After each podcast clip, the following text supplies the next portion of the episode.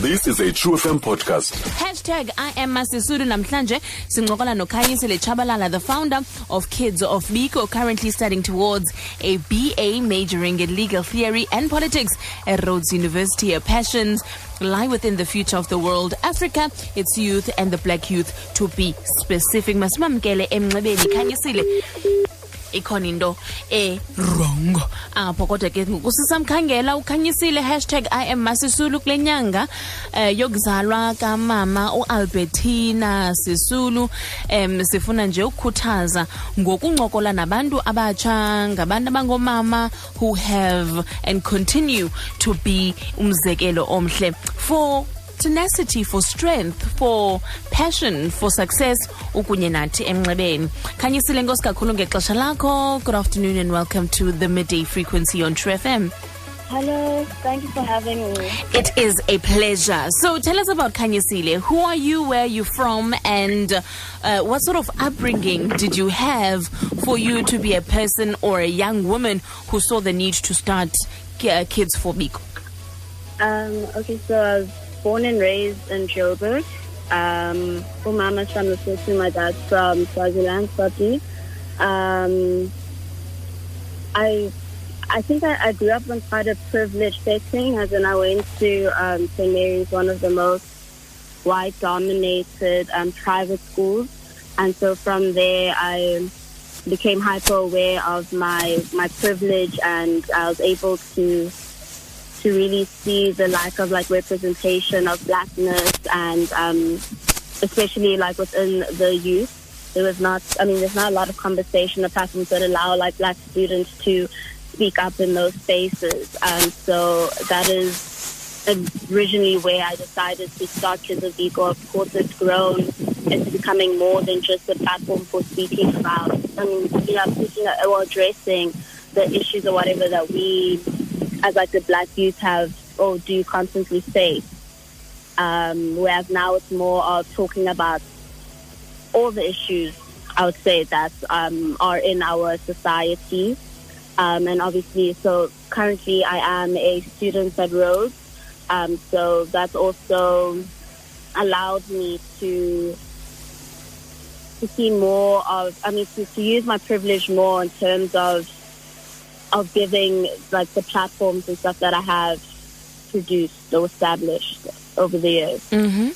Yeah. so what is Kidz of biko about Um, so like I said, Kidz of Biko started off as um, it was just supposed to be a, a group of like six, seven black girls speaking about the problems that we were subject to um, in, in high school. But currently, it is it's a platform that addresses blackness, celebrates black culture more importantly, and educates people on you know our black um, heroines and heroes and um, and you know just just black people who have craved or paved um, a very as much just paved a path for us to to exist essentially. Um, so we do also do like a whole lot of events. Um, our most recent event was at Lamu. Um, so we we we identified five girls from local township in Grahamstown, and we helped them with the matric dance. So um, the makeup, the dresses, the accessories, and a pre like little party for them. So it's not just about addressing um, the issues, but also helping people who can't, you know, who can't, who, well, in, the case of these girls, if it had not been for Kidz of Biko, a lot of them wouldn't have even been able to go to their own matric dance. So it's just about helping people, well, black people to be, you know, happy and understand their culture and see their worth. I mm. guess. Mm.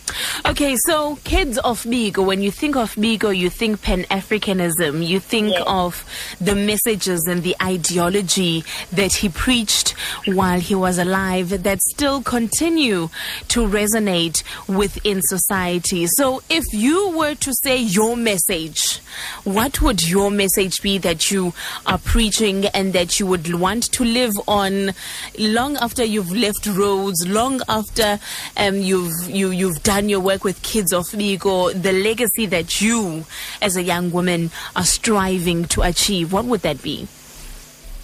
Um, I guess my message would just be to say that black is important, being black is important, black culture is important, um, black history is important, and we, as black people, we should not, and not even, not even just black people, but even to be celebrated by other races, I think is also important, um, and just to realize that we we don't need. I mean, we, we're not we're not inferior. We're not. Um, under anything. We're as important, and we don't.